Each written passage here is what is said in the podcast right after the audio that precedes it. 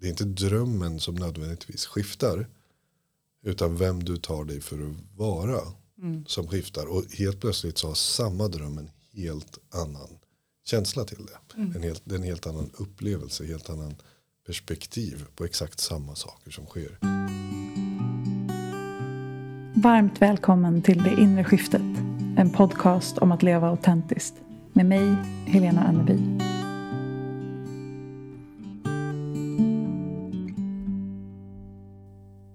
Hej vänner. Idag har jag en gäst med mig. Navid Sargam är här med mig i poddstudion. Hej Navid. Hej hej, jättefint att få vara med till slut. Jag tänker att jag eh, vill berätta lite om hur våra vägar korsades och du ska få berätta mycket mer om dig och om non-duality. Vilket är ett begrepp som jag har nämnt massa gånger i podden och vissa har frågat, du säger något ibland väldigt fort. Non-duality, vad är det för någonting? Det tänker jag att vi ska prata om. Ehm, men jag känner att jag har puls.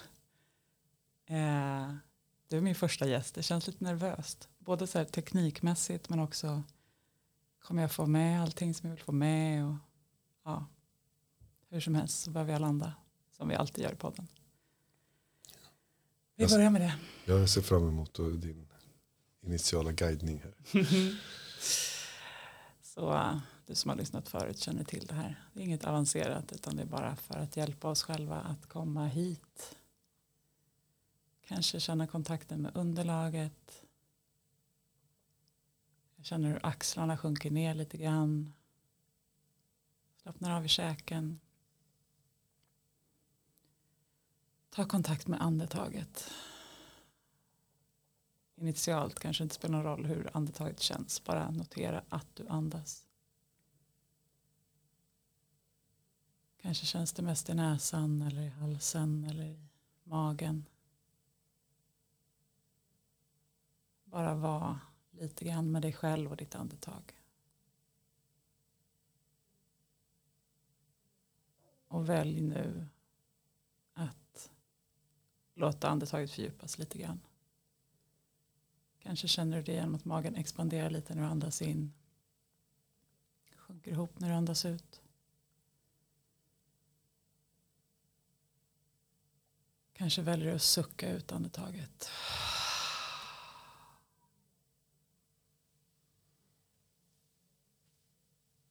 Alldeles oavsett vad du är eller vad du gör. Så kan du tillåta dig själv att bara få vara här med det här samtalet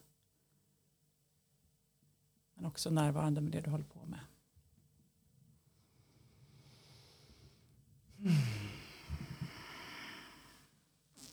Så. Navid. Ja, jag hittade lite spänningar i ögonen. Jag tror det Alltså, otroligt fina vädret. Men så fort jag började landa så bara wow. blundade du eller hade du ögonen öppna? Jag blundade och så kände jag att det bara smälte alla muskler runt omkring när jag tillät det. Nice. ja, jätteskönt, tack Mhm. för den guidningen. Nu är vi här. Och eh, jag tänker att jag skulle vilja både berätta lite om hur våra vägar korsades och vad non-duality har betytt för mig. Eh, men jag är också nyfiken på att höra din historia. Men har du en så här, så att vi slutar bara prata runt det här ordet. Har du en hisspitch, för din hisspitch för non-duality, liksom den korta versionen? Vad är det för något? Ja, non-duality, själva ordet, kommer ju från att visa att existensens sanna natur inte är uppdelad. Mm. Det är inte två saker som sker just nu. Det, är inte två, det finns inte två i grund och botten. Det är lite som, man kan titta på en tavla till exempel. Om vi tar den analogin att tavlan är, det, det som är på den här tavlan en existens. Som våran existens. Mm. Så kan man se den som en tavla. Men man kan också låta ens intellekt dela upp den i delar. Dela upp den i, där är ett träd, här är en flod, här är ett berg, här är en person, här är en bil. Och dela upp den här scenen som i grund och botten är en upplevelse. Man kan dela upp den i flera. Och non-duality pekar ut att den här existensens sanna natur, den här stundens sanna natur är ett. Och för att gå ännu djupare så vill den inte ens riktigt säga ett som våran koncept av ett. Utan att det är inte uppdelat. Så Mm. den säger bara non-dual. Mer än att säga ett. För ett är fortfarande ett koncept. Så den bara egentligen bara nekar till den uppdelningen vi normalt tror sker av livet. Mm. Det- det. Det var en hisspitch. det var en hisspitch, den hade jag inte om vi får åka 20 våningar. Och jag tänker att eh, allt det här låter ju fint och jag tror att många har hört de här koncepten förut. Eh, och för min del, jag hade ju läst, jag har läst alla böckerna, Eckart Tolle 18 gånger om, jag hade talat om Moji, din lärare. Jag har liksom varit i de här sfärerna och liksom konceptuellt kanske förstått, trott mig förstå. Men det var ju intressant för det var bara ett drygt år sedan som jag hittade till dig eller blev vägledd av min intuition förstås till dig. Och jag upplevde innan det att våren, förra våren så var jag väldigt upptagen av mitt liv mentalt. Jag funderade på, jag höll på att flytta och vad ska jag göra med mitt liv och vart är jag på väg och tugga, tugga, tugga höll hjärnan på med. Och jag hade liksom på något sätt eh, gått från att så här, allt i mitt liv är så här viktigt. Det är viktigt vad, hur det går för mitt företag. Det är viktigt vilka personer jag hänger med. Det är viktigt vad jag gör med min tid. Till att på något sätt börja se igenom det där och bara, nej men vänta. Det här finns ju inte riktigt. Men så det spelar inte så himla stor roll egentligen på något sätt. Men jag kände mig väldigt tom i den insikten. För jag hittade inte hem. Så det var som att jag tappade eh, kontakten lite med den här karaktären och, och det här skådespelet och dramat som pågår här. Men jag hade liksom inte någon annanstans att landa. Och jag tror att det var då min intuition guidade mig till dig. Och jag bara vet att vid första sessionen så, och det här har jag ju berättat för dig förut, men liksom, och du får ju där förstås, men det var ju egentligen bara svårt att beskriva vad som sker i en session, liksom. men det var ju typ eye-gazing och du ställde ett antal frågor. Och jag märkte efter ett tag att det var som att min kropp skrattade och jag märkte att det rann ur ögonen. Men jag hade liksom ingen, ingen, eh, var svårt att beskriva vad det var som hände. på Ingen konceptuell förståelse. Liksom. Man kan inte beskriva det för nästa person. Nej men precis. Och det som hände efteråt var ju att allt blev mycket, mycket värre under typ två veckor. För att det var som att mitt ego hade fattat att den höll på att tappa någon del av mig eller vad det nu var. Ja. Så allt, det var så sjukt mycket som eskalerade i drama i mitt liv. Och, och det här har jag pratat om i podden tidigare men så småningom så kom jag ju till att jag kunde släppa, släppa, släppa, släppa massa av de där känsloknutarna som då kom upp och kändes. Och sen på andra sidan av det så har vi fortsatt att jobba tillsammans. Men det jag skulle säga att det är efter, det kom ju en förstförsämring. Det blev Ja. liksom värre först. Av, det kan säkert du prata om va- varför det blir så. Men, men sen har ju på något sätt allt har förändrats i min upplevelse. För att jag har hittat hem Tillbaka hem. tillbaka. Det finns ett hem och då kan jag också relatera till den här verkligheten på ett helt annat sätt. Precis. Precis. Det, det är väldigt mycket. Det, det, det är ett ganska klyschigt ord. Jag använder det väldigt lite själv. Jag tycker det har fått så mycket andra betydelser. Men det är en sorts verkligen uppvaknande egentligen väldigt bra beskrivning. För det känns väldigt likt. Ungefär som att vakna i en dröm till exempel. Lucid dreaming. Det, det är inte drömmen som nödvändigtvis skiftar. Utan vem du tar dig för att vara. Som skiftar. Och helt plötsligt så har samma dröm en helt annan känsla till det. En helt, en helt annan upplevelse. Helt annan perspektiv på exakt samma saker som sker. Så det, det som egentligen händer. Det är, inga, det är inte att karaktären i drömmen när du vaknar som förändras. Utan det är bara vem tar du dig för att vara. Och när det skiftet sker. Precis som du säger så finns det saker som den du tog dig för att vara innan inte har kunnat bemöta. Och den du ser att du är i det här skiftet plötsligt har plats för alla de sakerna. processas. Just det. Så det så som du beskriver så är det ganska vanligt att jag ser att det kommer en våg Mm. av grejer. Och det är ovanligt att folk tillåter det så, så pass tidigt som du gjorde. Skulle jag säga. Det brukar vara ett antal sessioner innan man släpper in den här tsunamin av saker som man undvikit. Men att det händer vid något tillfälle Mm. ser jag som ganska vanligt. Just det. Och jag tror att det, det är det som liksom, jag tycker det är så häftigt när vi blir vägledda till rätt personer. För det är som du Mm. säger, jag, liksom, eh, jag, jag försöker inte sätta dig på någon pedestal, liksom. men jag har ju aldrig träffat en pekare som har varit så bra på att peka som du. Och som liksom, och då tänker jag för, för min karaktär och för, för min, jag hade ju en massa förförståelse som sagt, det var ju inte så att jag aldrig hade funderat över de här frågorna förut. Mm. Men du pekade på ett sätt som gjorde att det hände någonting. Mm. Och det Precis. skiftade liksom. Men då kopplat till det så tycker jag det är spännande att höra din väg in i det här. Och alltså du får välja vad du, hur, hur långt bak i tiden du går. Men jag tycker det är spännande hur, hur kom du in i non-duality och vilka perspektiv hade du Ja. innan? Jag skulle nog vilja dra lite av den riktiga bakgrunden för att det är så många som nog kan relatera till den. Och det är ju att man söker.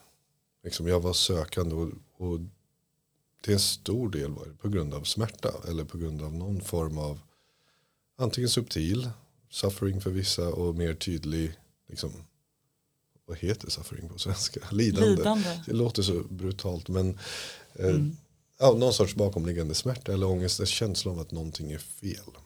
Och precis som alla andra så var det under väldigt lång tid så försökte jag rätta till det här med de verktyg som samhället ger. Eh, genom att hitta framgång i partnerskap eller i relationer men också i materiellt och framgång med pengar och karriär. Jag märkte att den här känslan, den bakomliggande känslan av att det är något som inte stämmer var kvar. Och då började jag gå djupare och jag blev först då intresserad av i och med att jag var lite allergisk mot religion som jag nämnde till dig. Jag är flykting från Iran på grund av islam. Mm. Så jag hade, var emotionellt allergisk mot tro. Så sökte jag djupare sanning men inom ja, kvantfysik och rationella ateistiska modeller av existens. Jag försökte hitta den sanningen. Jag visste att det var något djupt jag sökte efter. Men samma sak där. Mycket av det som finns där är väldigt mentalt och ytligt på något sätt. Även om det är stora frågor som man kan titta på. Jag sökte i alla fält. Filosofiskt och rationellt, materiellt. Sökte, sökte, sökte. Och det är någonting som fortfarande kändes, något stämmer inte.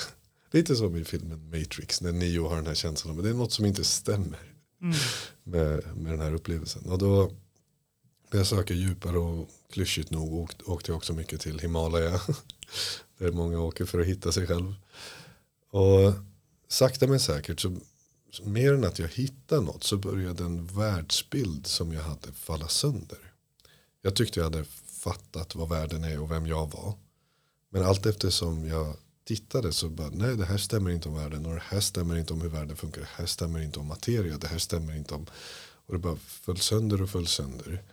Och sakta men säkert även min egen självbild, ens självbild och världsbild är väldigt kopplade. Och jag såg om och om igen genom olika faser av mitt liv. Ja, men jag trodde jag visste vem jag var, jag trodde jag visste eh, allt kring mig själv. Men det var fel på fel på fel. Allt motbevisades med min egen upplevelse.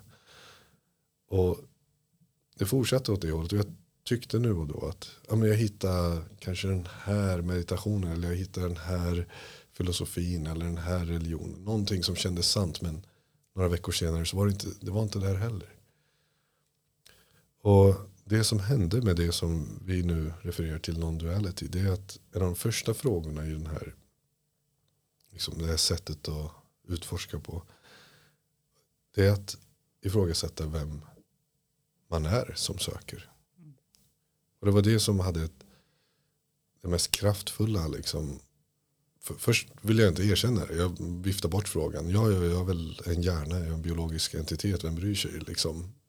Jag vill hitta sanningen. Men, men när frågan är så pass, liksom, om man tar den allvarligt och verkligen kollar med ens egen upplevelse. vem man är. När jag blev tvingad att göra så. Och det var faktiskt en, i mitt fall var det en ljudbok. Som mm. jag tog, eh, ingen, ingen speciell ljudbok men jag, jag, jag, jag verkligen genuint en dag. Okej okay, jag kommer följa det här. Liksom. Och följde den meditationen, den guidade meditationen. Så insåg jag vad jag var. Och insåg att jag inte vet något om det. Och det var början. Sen så kom det precis som du beskrev. Det kom en massa motstånd mot det här. Men eh, det, det var liksom. Det var stora sprickan som jag hittade i, min, i mitt trosystem. Som sen ledde till att liksom hela, jag, jag, kunde se bortom allt jag trodde på. Allt jag trodde om mig själv. Allt jag tror på om verkligheten. Jag kunde titta bortom den och uppleva vad som faktiskt är där. Så det var som att alla mina filter som jag filtrerar existensen genom. Mm. Jag såg igenom dem under de här klara ögonblicken. Och sen har det varit en process ditåt. Om man säger mm. så.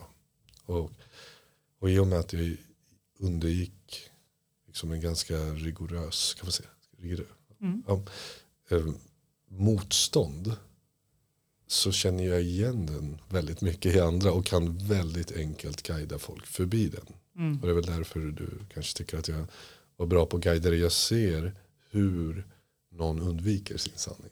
Yeah. Och kan därför guida dem åt det hållet väldigt enkelt. Det, det, är ingen ansträngning för min del. Det är som att du ser hur någon undviker att sitta still. Någon kanske hoppar, någon kanske gör armhävningar, någon kanske dansar och du behöver bara beskriva vad de ska sluta med mm. för att stillheten ska vara där. Det är lite så jag, jag känner att jag guidar. Jag, jag, är med någon och jag ser vad det är. Mm. Hur de undviker. Och det är bara väldigt enkelt för mig att peka ut det och be personen landa. Jag tänker det är det som, alltså som du började med att säga, non-duality. Mm. Alltså det enda vi gör är att skala bort. Precis.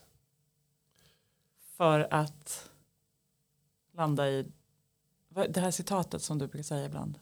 Reality is that which. Ja, det är precis. Det, det, det anser jag är det första steget när man ska upptäcka non-duality. Det som behövs för att komma ut ur sitt huvud. Om man säger så. Och det är reality is that which does not disappear when you stop believing in it. Mm. Så det, det som försvinner när inte du ger din tro till det det var ju trobaserat. Men någonting blir kvar. Mm. En, det finns en verklighet som inte försvinner när du slutar tro. Och det är där den här, liksom, the inquiry, the investigation, liksom, det, hela det här utforskandet börjar där, i den här verkligheten. Mm. Det är mm. då den bär frukt. Och det är ju den andra liknelsen som du brukar dra med en eh, hindu och en eh, biolog, biolog, och en kemist som sitter bredvid varandra. Kan ja. du dra den också? Ja men precis. Eh, det kan, jag brukar visa att få alla bär en filter. Genom vars de upplever eller tolkar sin upplevelse. Och det är de här filtrerna vi ibland tror att vi är. Om till exempel någon är hindu så kan en händelse som händer tolkas genom en hinduisk filter. Att ja, det här var Ganesh vilja. Det här var Shivas vilja. Det, här var, det är därför det här händer. Och så, så sitter någon med en biologisk filter och säger nej det här är evolutionen som gör så att det händer på det här sättet och med sina teorier och sina förklaringsmodeller tolkar samma, samma händelse och så sitter någon en kristen eller en kemist eller en fysiker som säger nej det är bara naturlagarna som genom fysiska interaktioner leder till att du vill lyfta en kopp te. Det finns massa olika förklaringsmodeller. Infinite, det finns hur många som helst.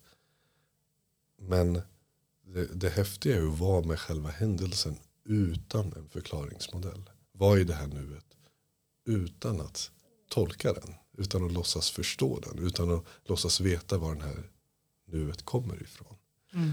Där börjar verkligheten. Det är där i den här unknown verklighet. Liksom, som man kan börja utforska på riktigt. Vad man är och vad det här är. Mm.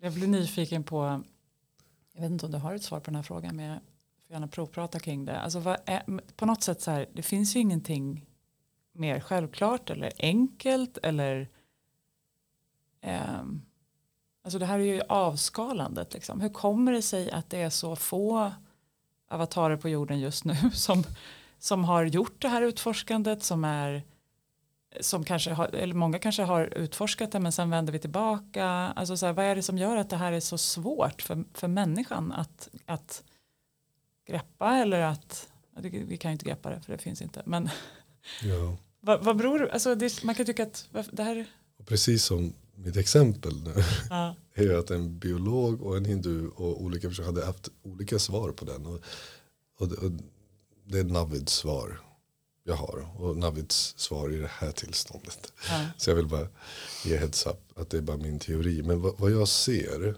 liksom när jag tittar på vart det här motståndet kommer ifrån. Det enklaste formen av ett svar är att det finns en rädsla som är kopplad till vår identitet.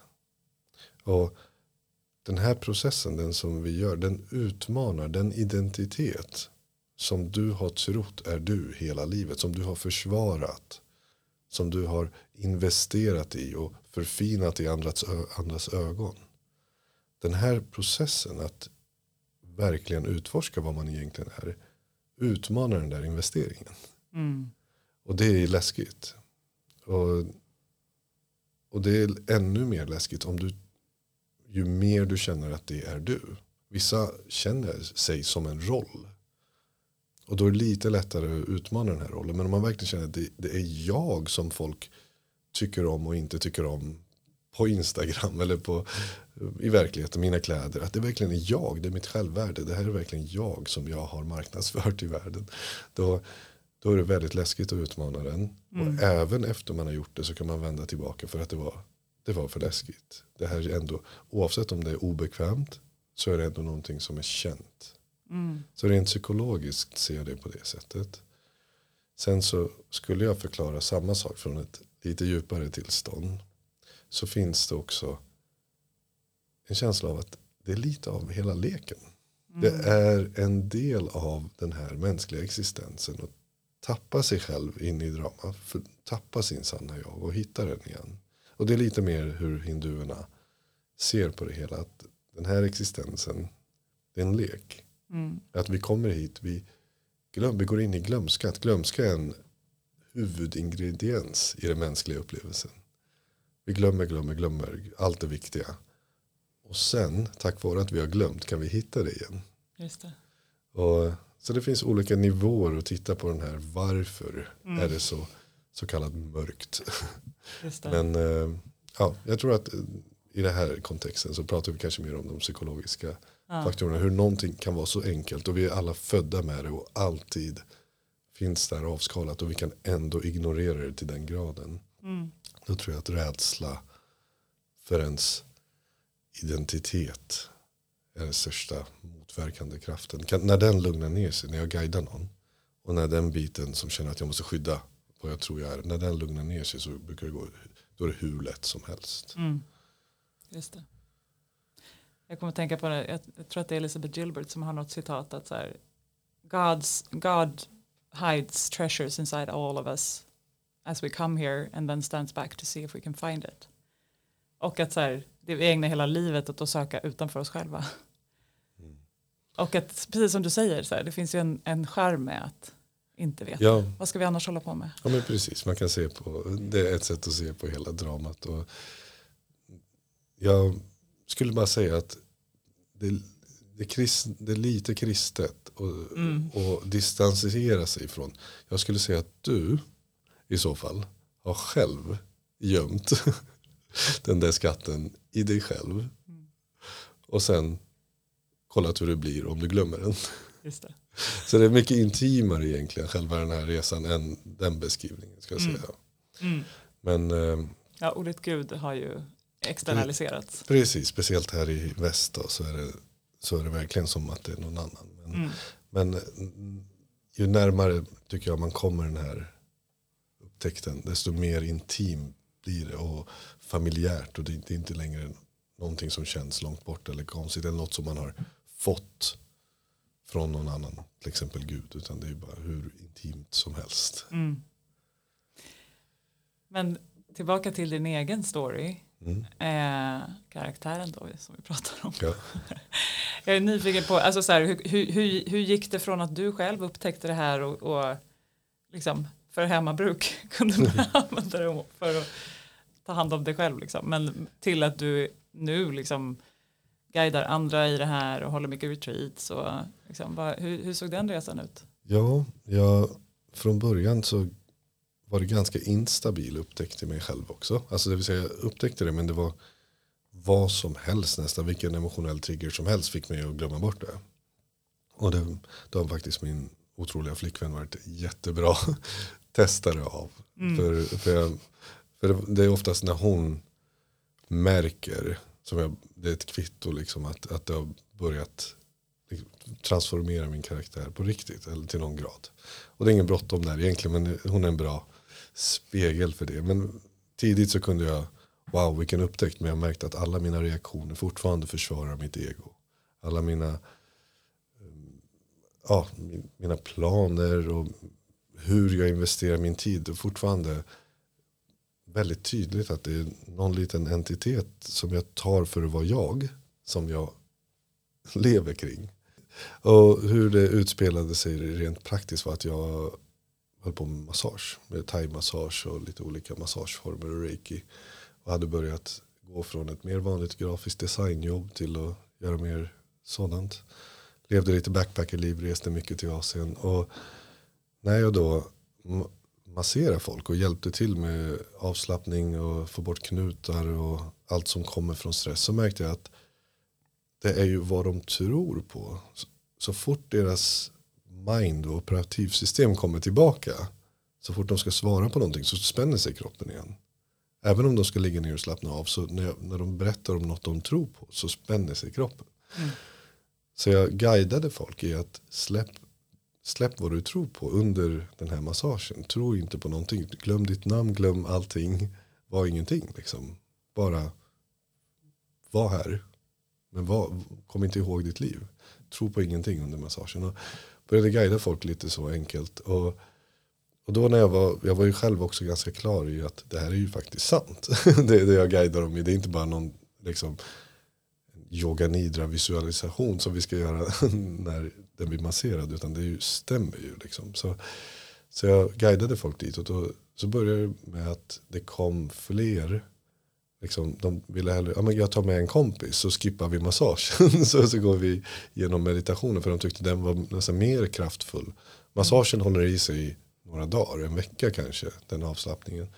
Men, eh, men ändra trosystem och kunna vara i verkligheten och ja, i förlängningen lära känna sin sanna jag. Liksom. Det är ju tidslöst. Så folk började komma av den anledningen. Och, ja, universum banar väg för att jag hittade till en yogastudio. Och den vägen gick det. Och sen så samtidigt så i Rishikesh i Indien där jag bor halva året, eller bodde på den tiden halva åren. Där var det väldigt mycket enklare att hitta folk som var intresserade. Så jag började, mina största klasser var där från början. Jag undervisade som jag hoppade in för meditationslärarna på yogalärarutbildningar. Och, och det var ju väldigt populärt hos folk att eh, kom, inte bara läsa i filosofin om de här aspekterna av self-realization liksom och sånt, utan att uppleva det under ett par timmar som jag fick oftast vikariera. vikariera. Mm. Så ja, men lite så började det med hur, hur jag kom till att undervisa så att säga. Men fortfarande idag så känns det konstigt att säga undervisa. Det känns verkligen som att jag pekar. Ja, det. Mm. För det, det, är inte mycket information jag ger någon. Utan det, man, man, hjälper någon skala av. Det är inte liksom, och sen så tackar de. det, det, är bara att liksom, ja, ta av den tron och ta av den tolkningen och ta bort den idén och ta bort det här konceptet. Vad blir kvar? Mm. Frågar jag. Så det, känns inte riktigt som en lärare men man pekar. Liksom. Och pekar eh, på väldigt många olika sätt för att Precis. möta olika typer av motstånd. Exakt, exakt. Jag ser ju som jag sa innan, jag ser hur personer undviker det här. Mm. Hur de håller sin eh, rustning. Mm. och då, då, då man peka olika beroende på hur de, det är, väldigt, det är nästan väldigt visuell upplevelse för mig. När jag, Mm. när jag sitter, även om det är en grupp, eller ännu enklare såklart om jag sitter med en person. Vilket jag gör oftast. Men även om det är en grupp så ser man, de ställer en fråga och sen så ser man hela ansiktet är spänt och de måste upprätthålla väldigt mycket minnen och trosystem för att ens ställa en fråga. Och sen så då kan man upp och fråga men vad händer om du bara slappnar av nu? Du slappnar av i ansiktet. Slappnar av och, in, och du behöver inte framkalla några minnen för vi utforskar ju bara sanna jaget. Och så släpp allt det där du tror på. Vad blir kvar av din fråga? Det, är, det är då skrattet kommer. Precis. Så man märker att ens fråga och ens skeptism och alla ens, liksom, all den motstånd tar jättemycket energi Ja. att framkalla. Det här är som, vi är bara på väg hem Ja, dit alla vill och det tar jättemycket energi att göra motstånd. Så man bara bjuder in människor till att släppa det motståndet. ja. Och det väcker ju så mycket, alltså shit vad jag, framförallt i början, Ja. vad mycket jag, du vet, jag kunde komma och så hade jag tänkt ut någonting klokt eller så här och så, så bara typ tittade du på mig eller ställde någon enkel fråga eller bara så här, jag vet inte, du gjorde någonting som hjälpte, som var en pil för mig liksom, pekade. Ja. Kan inte annat än skratta liksom. Ja. Och det är ju inte så här hånskratt eller det är Nej. inte ett el, utan det är bara så här, ja, Det är lite som igenkänningshumor. Lite Ja. Som när en stand-up liksom, en stand-up komiker säger något som alla känner igen liksom, i sig själv. Det är lite så. och alla frågorna bara försvann. Precis. Vi är så fina ju. Och någonting var kvar. Någonting var kvar. Men du nämnde, jag vill ändå komma tillbaka till, du sa och universum så här, så fa- fanns det en yogastudio där eller så här, som att det finns någon sorts guidning i Ja, hela den väg. här... Vad- Berätta, vad, Jag- jag- om det. upplever ju bara liksom att eh, hela den här livsupplevelsen, precis som drömmar, de är liksom, den är inte förutbestämd eller något, att den är in, lekfull i sin natur. Och att eh, det är liksom inte att det ja, men som en videospelare finns liksom ett sätt att göra det här på. Utan den formar sig allt eftersom ja, det, som, som en dans. Där liksom båda parter, om man, och nu pratar jag dualistiskt. Det är liksom från karaktärens perspektiv. Att där jag ser mig själv, eller liksom mitt mind som försöker navigera livet. Mitt intellekt som försöker ta beslut precis som alla andras. Det att i, I den relationen, intellektet och, eller vad vi säger, så, avataren och universumet. Att det är en väldigt lekfull dans. För att de faktiskt är ett. De är ju inte skilda. Så, då, så tillåter man, om man inte skapar en idé av att man är separerad från universum. Att det är jag i ett universum. Om man inte skapar den idén. Så dansar redan kroppen med universum. Mm. Så det är snarare den, den friktionen som försvinner när man slappnar av. Och tillåter det här så ser man att det, det var alltid synk. Hela tiden, hela grejen var synk. Alla gånger jag upplevde att idag är jag out of sync. Det är bara en tolkning baserad på någon spänning man har inuti. Men att det var, även det var synk. Just det. Liksom, Så, så lite så upplever jag att när det här började bli tydligt att det här var något jag borde göra så öppnades de dörrar. Så, så, det, så var, man kan se det som att universum ville att det här skulle hända och dörrarna öppnades. Så, så kallade jag Mm. följde med. Mm. Men vad, vad, vad tänker du då kring om det är tydligt eh, motström som jag brukar kalla det för eller liksom om det Mm. finns det också en version där karaktären Navid hade kunnat säga shit det här verkar coolt och det är inne och jag kan säkert bli stor inom det här och vilja forcera och driva det liksom men, men det hade inte flowat på samma sätt. Hur hade du tolkat det eller tänker du att det skulle kunna Ja, hända? så fort någon sån tanke har dykt upp så känns det fel. Mm. Jag, jag har ett par gånger försökt eh, kanske integrera någonting in i det jag gör som folk har efterfrågat. Att eh, ja, men, kan inte du också göra det här eller kan vi inte blanda in det här. Så, så fort jag försöker så, bara, så, så känns det fel. Det, är liksom, det, och det ska hållas än så länge ganska rent av mig. Och så, så jag har fått sådana idéer. Vare sig det är från min, mina egna tankar att oh, jag, det kanske blir större om jag gör så här. Eller om det är förslag från andra. Men det har funnits hela tiden en sweet spot. Liksom där, där det är så det vill kommuniceras. Det är så, liksom, det är så jag har blivit groomad till att peka. Och när jag gör det rent så upplevs det väldigt flowigt. Liksom. Och, och det, det är som vanligt, det är, som, det är precis som för alla, det som skapar de här mer friktions friktionsvägarna som finns, friktionsalternativen. Där man känner att det inte, det, det är ju oftast rädsla. Mm. Det är gamla barndomsrädslor, liksom. Allt ifrån hur man uppfattas till ekonomiska anledningar. Och vad, vad kommer min familj tycka? Är jag borta för mycket om jag gör så här och så här? Jag borde anpassa det till. Och när för mycket rädsla och jag tar beslut på, på det. Så märks det direkt. Det är som att det är väldigt tydlig respons i dansen. Danspartnern.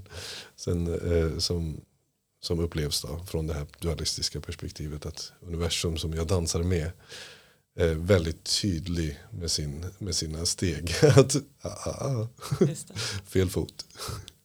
Så du väljer att lyssna in vad som vill hända? Ja, nu, nu idag skulle jag säga att jag inte riktigt tänker på det längre utan det bara magen spänner sig när det känns fel och, mm. och, och, det korrigeras väldigt fort. Men i början tänkte jag på det som, som jag berättade, indikationer. Liksom, att eh, det känns hitåt. Alla pilar just nu, hela nuet pekar hitåt så då går vi dit och ser varför. Och sådär. Men nu, nu känns det som att det blivit lite ryggradsgrej. Att jag gör någonting och bara oj vad eh, liksom känns fel och jag har redan bytt inriktning liksom, innan jag hinner tänka det. Mm. Ja, men för jag tänker att det är väldigt många i, idag som liksom har en tydlig bild av hur ett liv ska se ut och vi planerar det så långt i förväg Mm. Och vi har så mycket förväntningar och vi sätter upp så långsiktiga mål och de här femårsplanerna som jag också har levt med tidigare. Liksom. Mm. Eh, men vad tänker du kring det själv så här, med, med drömmar och mål och långsiktiga? Har du några sådana eller, eller mm. är det mer att lyssna in? Det nu? hade jag ju när jag trodde jag visste vem jag var. Mm. Om man säger så. Eh, det vill säga de målen är ju oftast en reflektion på vad man tror eller känner att man är. Man har ju en känsla av det här är jag. Och det här drömmen skulle få jag att känna sig bra. Men när det här själva jaget som man gör den här drömmen åt, som man drömmer de här framtiden åt. När den blir mindre definierad, när den blir mindre solid, utan mycket mer öppen och föränderlig. Då blir ju drömmarna också det. Mm. Då, blir, då blir drömmarna väldigt mycket mer här och nu. Att vad är det som känns rätt för den här nu. Men jag ser samtidigt att det finns större strömmar. Jag behöver inte planera dem. Men jag ser att liksom mina temporära desires och, och liksom saker som sker. Att det finns en större intelligens också för vad de totalt bär. Men jag behöver inte fatta det idag. Jag behöver inte fatta liksom, aha, det är dit det är på väg, en dag ska det vara så här. Utan det finns inte en dag då någonting ska vara klart. utan den dagen är nu. Nu är allting klart. Lika mycket som någon annan gång i, någon annan gång i livet. Så, mm. um, det skiljer sig hur mina, mina drömmar känns just nu. Jag kan absolut ha en dröm att jag vill med min son åka till den här delen av Indien och uppleva det här tillsammans. Men det känns verkligen för mig som en, det säger mer om mig nu än vad, det, vad själva drömmen är. Jag, det kan faktiskt säga till mig att vad jag faktiskt vill just nu. Den här drömmen säger till mig att jag vill uppleva magi med min son. Mm. Och det finns ju tillgängligt nu. nu ja. Så då springer jag ut med honom och, och han är redo för magi när som helst. Han behöver inte vänta på tre år och åka till ett ställe i Indien för att upp, upp, hitta magi. Liksom. Han är redo nu. Med vilken, leka med vilken fjäril som helst eller studsmattan eller gå in i någon fantasi. Din viktigaste guru. Så precis, så, så mina drömmar med er en reflektion nu. De talar till mig nu mer än att jag tror att de kommer ge mig lycka i framtiden. Mm. Och apropå det då, för det är lätt att tänka att det här verkar ju jättelätt när man sitter i en grotta och mediterar och så. Men Mm. du lever ju faktiskt småbarnslivet på en stor gård Precis. med partner och flera olika verksamheter. Och liksom, hur, hur hjälper det här dig mitt i småbarnskaoset? Eller gör det det? Eller sömnlösa nätter och allt vad det kan vara. Liksom. Hur, vad har du för del? Ja, så bara för att tänkte för lyssnarna. När Helena säger det här, hur hjälper det här dig? Ja. Då menar hon liksom eh, the recognition, igenkännandet. Kontakten låter inte rätt för det låter som att det är två saker. Men uppvaknandet, igenkännandet av ens egen sanning. Hur hjälper det mig?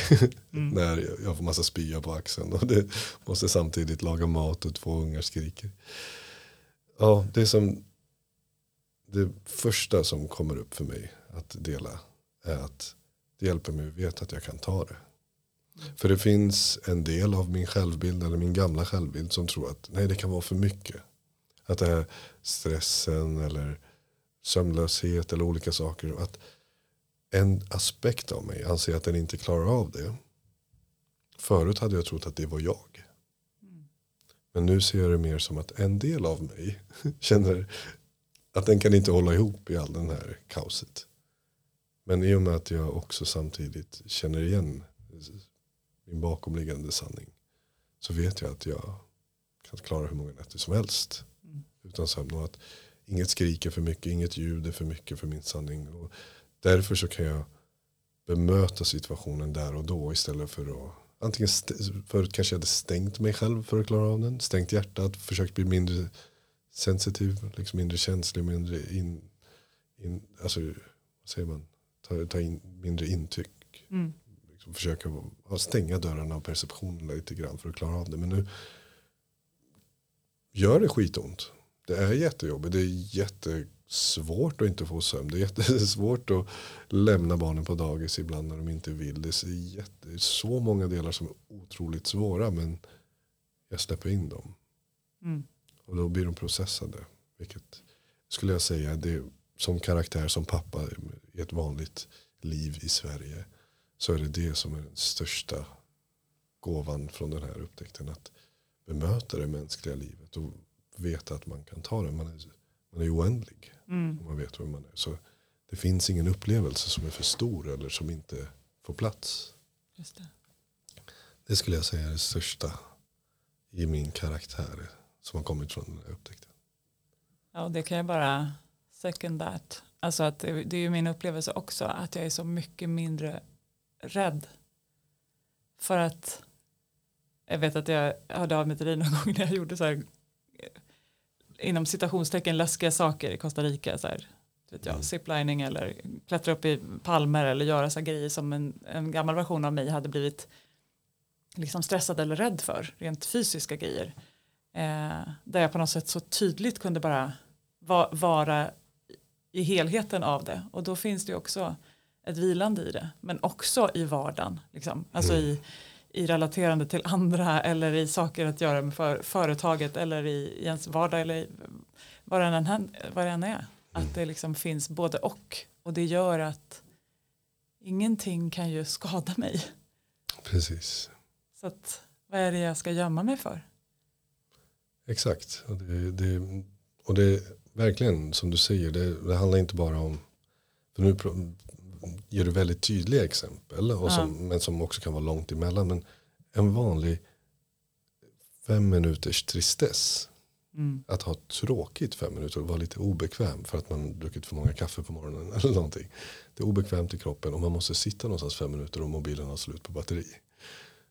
Den stunden, att ta den, det är väldigt svårt för så kallade egot eller för självbilden eller den energi man normalt sett identifierar sig med. Det man tror man är kan ha svårt för den situationen.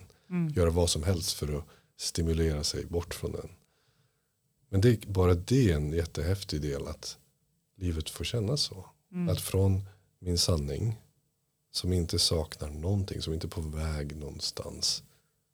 Så är det jättevackert att till och med uppleva det. Och tyvärr försvinner tristessen för det blir liksom tårar av glädje istället. Men, eh, men det börjar så att man verkligen bemöter till och med sånt. Alltså helt, man vet inte ens att det är så många saker under en dag som man undviker. Mm. När man är identifierad med en sak. Men att eh, hitta det då liksom en obekväm konversation. Mm. liksom. Och då genast då vill man, ja, men, ska jag äta något? Ska vi bort? Ska vi, liksom, ska vi undvika den här situationen? Liksom, man är med sina föräldrar, barn någon, som, någon som, annan som är obekväm. Och man försöker fixa situationen fort. Så kan du inte tänka så här? Så vi slipper känna den här känslan som är nu.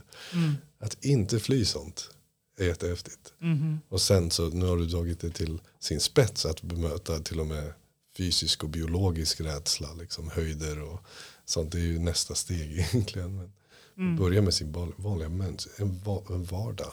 Och inte undvika något kapitel Nej. av den här dagen. Just det. det är häftigt. För det är det också som är en annan väldigt tydlig konsekvens som jag har märkt att tiden saktar ner. Mm. Alltså det här senaste året har varit så otroligt många år. Ja. Alltså det är helt sjukt hur, hur mycket, alltså varje dag är så oerhört lång. Varje vecka liksom. Jag brukade vara en sån där så hoppsan, nu var det fredag igen liksom. Mm. Och nu är det så här, eh, va? Fortfarande bara tisdag, den här veckan har pågått hur länge som helst. Känner du igen dig i den? Liksom? Ja. Och vad tänker du att det är för någonting? Ja men du är mycket mer här. Mm. För annars är man ju i det här tillståndet av att vara på väg. Och då lägger man inte märke till det som händer och då Alltså, anledningen till att natten går snabbt är för att man inte lägger märke till något som händer under natten. När man sover. Och lägger man märke till saker under natten så är natten jättelång. Ja, verkligen. Och det är ju lite samma sak. Du lägger märke, du är vaken till det som händer. Du är här och möter både glada tider och ledsna tider och alla, alla färger av Helena. Så när, när du gör det så är du här mycket mer. Mm. Och då, att vara här väldigt mycket är ju som att förut kanske samma mängd upplevelser kanske du hade på en vecka som du nu har på ett par dagar. Mm. Ja, livet blir ju väldigt mycket rikare with the recognition. Ja, ja, ja det, det känns som att i avsaknad av den här mm jag vill inte veta jag vet inte vad jag ska kalla det på Nej. svenska i avsaknad av det här kännandet av vad man egentligen är. Så hittade jag ju på en massa jag. Och åt deras vägnar så undvek jag så mycket av livet. Mm. Vilket när man inte gör såklart är mycket lättare. Det är mycket lättare att inte behöva undvika så många av livets färger. Det var i stort sett tre känslotillstånd jag var okej okay med förr. Mm. Jag behövde antingen vara i pleasure liksom, eller ja, men, typ träning eller det här. Och allt annat, ledsenhet fick inte plats. Och um, bara en promenad för att bara upptäcka. Det, det hade jag ingen tid för. Liksom, bara gå ut äventyr. Alltså ingenting fick plats. liksom, jag var tvungen att vara i någon av de här extatiska tillstånden. Och resten av livet var, ville jag inte veta av. Nej. Och nu plötsligt så alla färger, alltså under en dag finns hur många tillstånd som helst. Man är upp och ner i energi, glad, ledsen, låg, hoppfull. Nu känns det mycket mer som att jag är där när alla de kommer. Det är inte så att när en av de tråkiga kommer att jag springer och köper en dricka. Liksom. Nej. Så det är mer åt, ja, mer åt det hållet. Mycket, mycket, mycket lättare och mer avslappnande. Och ändå känner jag att jag bara kommer, egentligen kommit åt när det gäller min karaktär och min mitt beteende. Att det här upptäckten har kommit åt en 10-15 procent. Mm. Det finns mycket mer att upptäcka åt det här hållet. Just det. Ja, men det är den från, från den här meningslöshetskänslan som jag kände tidigare förra våren. Liksom, när min hjärna var inne i någon sorts eh, effektiv, eller vet du, väldigt eh, intensivt tuggande på saker som du skulle komma fram till så är det ju som att det är inte så att jag helt plötsligt har gått tillbaka till att nu, nu spelar det roll hur det går för mitt företag eller nu är det jätteviktigt hur den här relationen utvecklas eller, eller hur det här går eller vad det nu än är. Det är inte att jag nu helt plötsligt är så här krampaktigt bajsnödigt bryr mig jättemycket om det utan det är bara som att så här men nu när jag ändå är här i den här mm. dimensionen så har jag ju fem sinnen och jag kan relatera med dig och jag kan vara i naturen och jag kan manifestera saker och jag kan leka med, i den här dimensionen. Så varför inte? Mm. Men det kommer liksom från en helt annan avslappning. Och inte bara det, det liksom, du kan också observera att din karaktär har blivit groomad till att kommunicera. Att du är ovanligt bra på att kommunicera. Och att till exempel tanken på det här ger dig energi. Du kan observera att det här ska göras. Liksom, det, det, är, det är inte...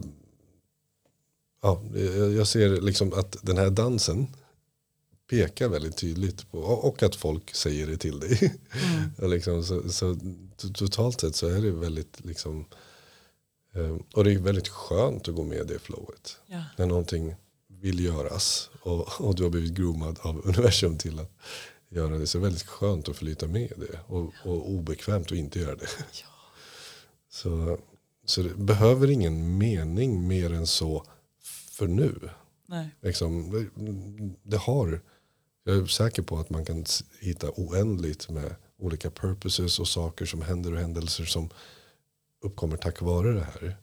Men bara verkligen, det är en purpose i sig att uppleva livet i flow. Liksom att surrendra till så som den vill dansa.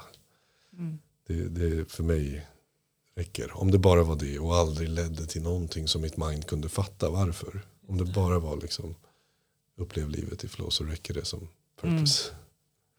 Och nu när du nämnde det så tänker jag också på att det, det är ju en viktig sak, eller det tog ett tag innan jag förstod att min hjärna kan ju inte förstå det här.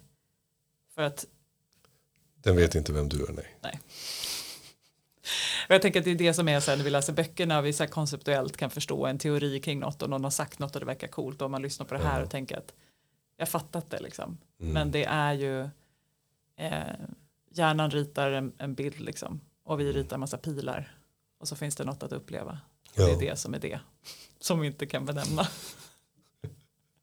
Precis, jag vet eh, inte riktigt nu hur det här uppfattas av Nej. lyssnarna. För, för alla de, jag gissar på att alla kommer känna på ett plan att de vet exakt vad vi pratar om. Och på ett annat plan så vet de inte alls vad vi Fattar pratar om. De Och det är samma sak för mig och Helena just nu. Ja. Eller hur? Precis. Precis. Och jag tänker också att vi ska spela in en kort, eller du ska få Ja. guida i en kort eh, meditation som vi lägger separat från det här avsnittet men släpper samtidigt. Så att man kan också eh, få bli lite pekad Absolut. av Navid-karaktären. Ehm, är det någonting som jag inte har frågat om som du tycker att jag borde fråga om eller som du vill skicka med? Mm. Nej, men jag tycker vi har fått med eh, det som berör väldigt mycket den mänskliga upplevelsen skulle jag säga. Det som, det som känns egentligen rele- relevant också i, i kontexten av din podd. Det. Och, och, och jag, jag bara tycker om att nämna, i och med att du nämnde meningslöshet. Mm. eh, och att samma, samma egentligen position kan ses som meningsfrihet.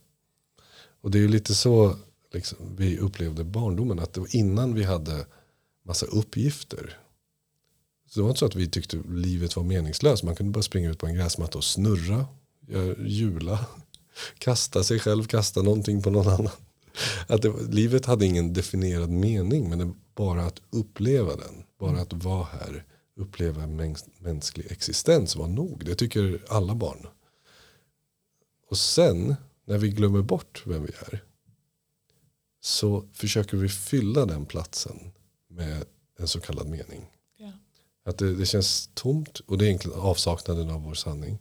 Men vi försöker fylla den platsen med göra något meningsfullt. Och då, då fyller vi den en stund. Men den här fyllnaden är ju väldigt temporär och villkorlig. Det är så länge du fortsätter fylla den med den här meningen som det känns okej. Och skulle du bli sjukskriven två år så plötsligt är det inte okej. Så det, det är en meningsfrihet också som man hittar här. Att det existensen, din existens behöver inget annat än att njuta av det här nuet för att vara värdig. Du behöver inte ha en mening, du behöver inte rädda världen, du behöver inte skapa något hela tiden, nå någonting, vara effektiv. Utan bara ät glass som du äter glass. Ja. liksom gör vad den här, det uttrycket du är av universum, var den fullt ut just nu. Och det är din purpose just nu. Ja, för det är ju samma sak med, alltså just den här med, alltså jag måste göra något meningsfullt med min tid. Jag måste Ja. göra något, något, den här sommaren måste bli på ett visst sätt. Alltså det här krampaktiga, bajsnödigheten som jag pratar om. som också känns som så här, ja men älskling, släpp, släpp taget liksom. Och inse att du är redan där. Precis. Och det här, this is it och det är nog. Mm. Men det är läskigt att släppa den där identiteten. Ja. Vi, vi, vi tror att vi är den där rösten som Mm. måste få till någonting. Det kan ju vara nästa karriärsteg som kommer förändra allt. Precis, Eller när jag hittar den här plötsligt, partnern. Eller plötsligt huset. så är lyckan där. Ja. Mm. Ja.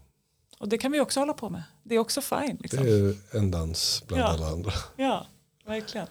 Det kan vara ganska uttröttande så det kan vara skönt att ta en paus från den. i alla fall. verkligen. Och veta att det är bara en del av dataspelet. Precis. Ett val. Jag gillar det med meningsfriheten. Mm. Mm.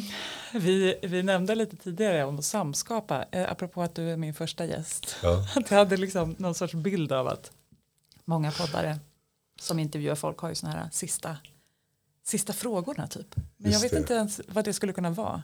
Jag är bara nyfiken på, vi får se om vi behåller det här i, i podden eller inte, men om vi skulle testa att samskapa något. Som jag tänker så här, eh, som du skulle tycka var spännande att svara på, kanske några så här rapid fire questions eller vad man kallar det för. Men som du också tänker att någon annan, alltså att jag skulle kunna ställa om jag tar, fram, tar in fler gäster framöver. Alltså hade jag haft en podd. Ja, Det jag är nyfiken på den andras mind. ja. är ju den här väldigt basal fråga. Vad är det här? Alltså den här existensen Ja, där ja. vi liksom ser ut som två apor som sitter och pratar. liksom, vad, vad är hela? Vad tror du? Vad är din bild av vad den här existensen är? För alltså, det är ju ändå inom den vi har bråttom. Ja. Vi har ju en bild av vad livet är och inom den har vi bråttom vad det nu är på väg och alla grejer vi ska göra. Men vad, vad är hela grejen? Liksom? Det tycker jag är en väldigt, man klär av någon men samtidigt är man intresserad av dens version. Så, så hade jag haft en, jag, jag, jag skulle vara jättenyfiken, jag är nyfiken på den frågan med vem som helst som jag, vad tror du det här är? Liksom, Mm. Är vi på väg någonstans? Är det, är det en process? Ska vi, vissa säger att vi är här för att lära oss någonting. Liksom. Men innerligt, vad känner du att det här är den här existensen? Det är, det är min favoritfråga. Jag är jättenyfiken på vad alla olika minds, liksom alla olika karaktärer och avatarer och tillstånd hos dem tror att den här existensen Just det. så det är ju lite roligt för det är lite som en elefant i rummet. För det, är, Ja. det, är, det är mest, mest obvious question. liksom, what- what's going on? Mhm. Men, men vi ställer den inte för den är lite, också lite så här, uh, Men om jag ställer den till dig nu då, Ja. fast vi varit inne på det i en timme, men ja. Eh, då, då kanske vi kommer till någon sorts hiss, hisspitch-variant igen. Nej, Va, men- va, what, what's, Ja, what's it all Jag har about? faktiskt inte frågat mig vad jag tror den här existensupplevelsen är. Vi frågade om non-duality. Mm. Non-duality, då pekar jag på liksom, det är upptäckten av existensens sanna source, Mm. sanna natur. Men eh, själva upplevelsen skulle jag säga att det närmsta jag skulle kunna beskriva det som är ganska likt hinduismen. Så att det är en oändlig potential som vår källa är. En gud eller vad vi vill kalla det. Den, liksom grundens oändliga potential. Vill uppleva allt som går att uppleva. Alla varianter av allt som går att uppleva. Och det här, den här stunden, är en av dem. Mm. Fint. Ja. Eh, jag kom på en till fråga som jag är nyfiken på från både dig och, och eventuellt framtida gäster. Men ehm, vilka eller vem eller vilka så här, om jag skulle säga att du är en, en viktig pekare för mig eh, eller mentor eller vad vi nu väljer att kalla det för. Vi, jag tror att vi, vi presenteras för olika andra avatarer som kan hjälpa oss på vägen. Som en guide ser jag. Ja, För jag upplever liksom när jag var i Nepal. Ville ha en guide för att Mm. han skulle visa mig hur man bäst går i det här berget. Liksom, hur man går upp för den här ja, delen. Så jag känner mig som en guide. Att vissa av de här processerna har jag nu gjort i tio år. Mm. Så när någon vill göra den så är jag bra på, ja men akta där, det. finns ett hål och vi går runt den här delen och sen så tittar vi på den här innan vi går upp. Så. Så Så- vilka har varit viktiga guider för dig? För mig har viktiga guider varit delvis, skulle jag säga, det låter klyschigt men kanske livet och smärtan själv. För den har visat mig alla lösningar som inte är hållbara. Så den, min, min trauma och smärtan som kommer från att uppleva hela Navid-existensen. Den är intelligent nog att veta att det här kommer inte lösa det. Och det här kommer inte lösa det. Och det här kommer inte lösa det. Jag märker så fort jag tror att jag har hittat någonting som ska ge mig lyckan. Så har den vunnit som en guide. Bara, ah, ah, ah. Det, det här kommer inte fylla det här hålet. Och, så det, det har varit en genomgående guide. Sen så på vägen. Det, eller vi säger så här. Det har varit mitt bränsle. Ja. Sen så guider som jag haft på vägen. Som du nämnde så eh, var Moji en av de sista. Jag skulle säga att det var där det blev tydligt. Jag hittade det innan. Men det var med honom som det blev på engelska confirmed. Skulle jag säga. Att det var så oj.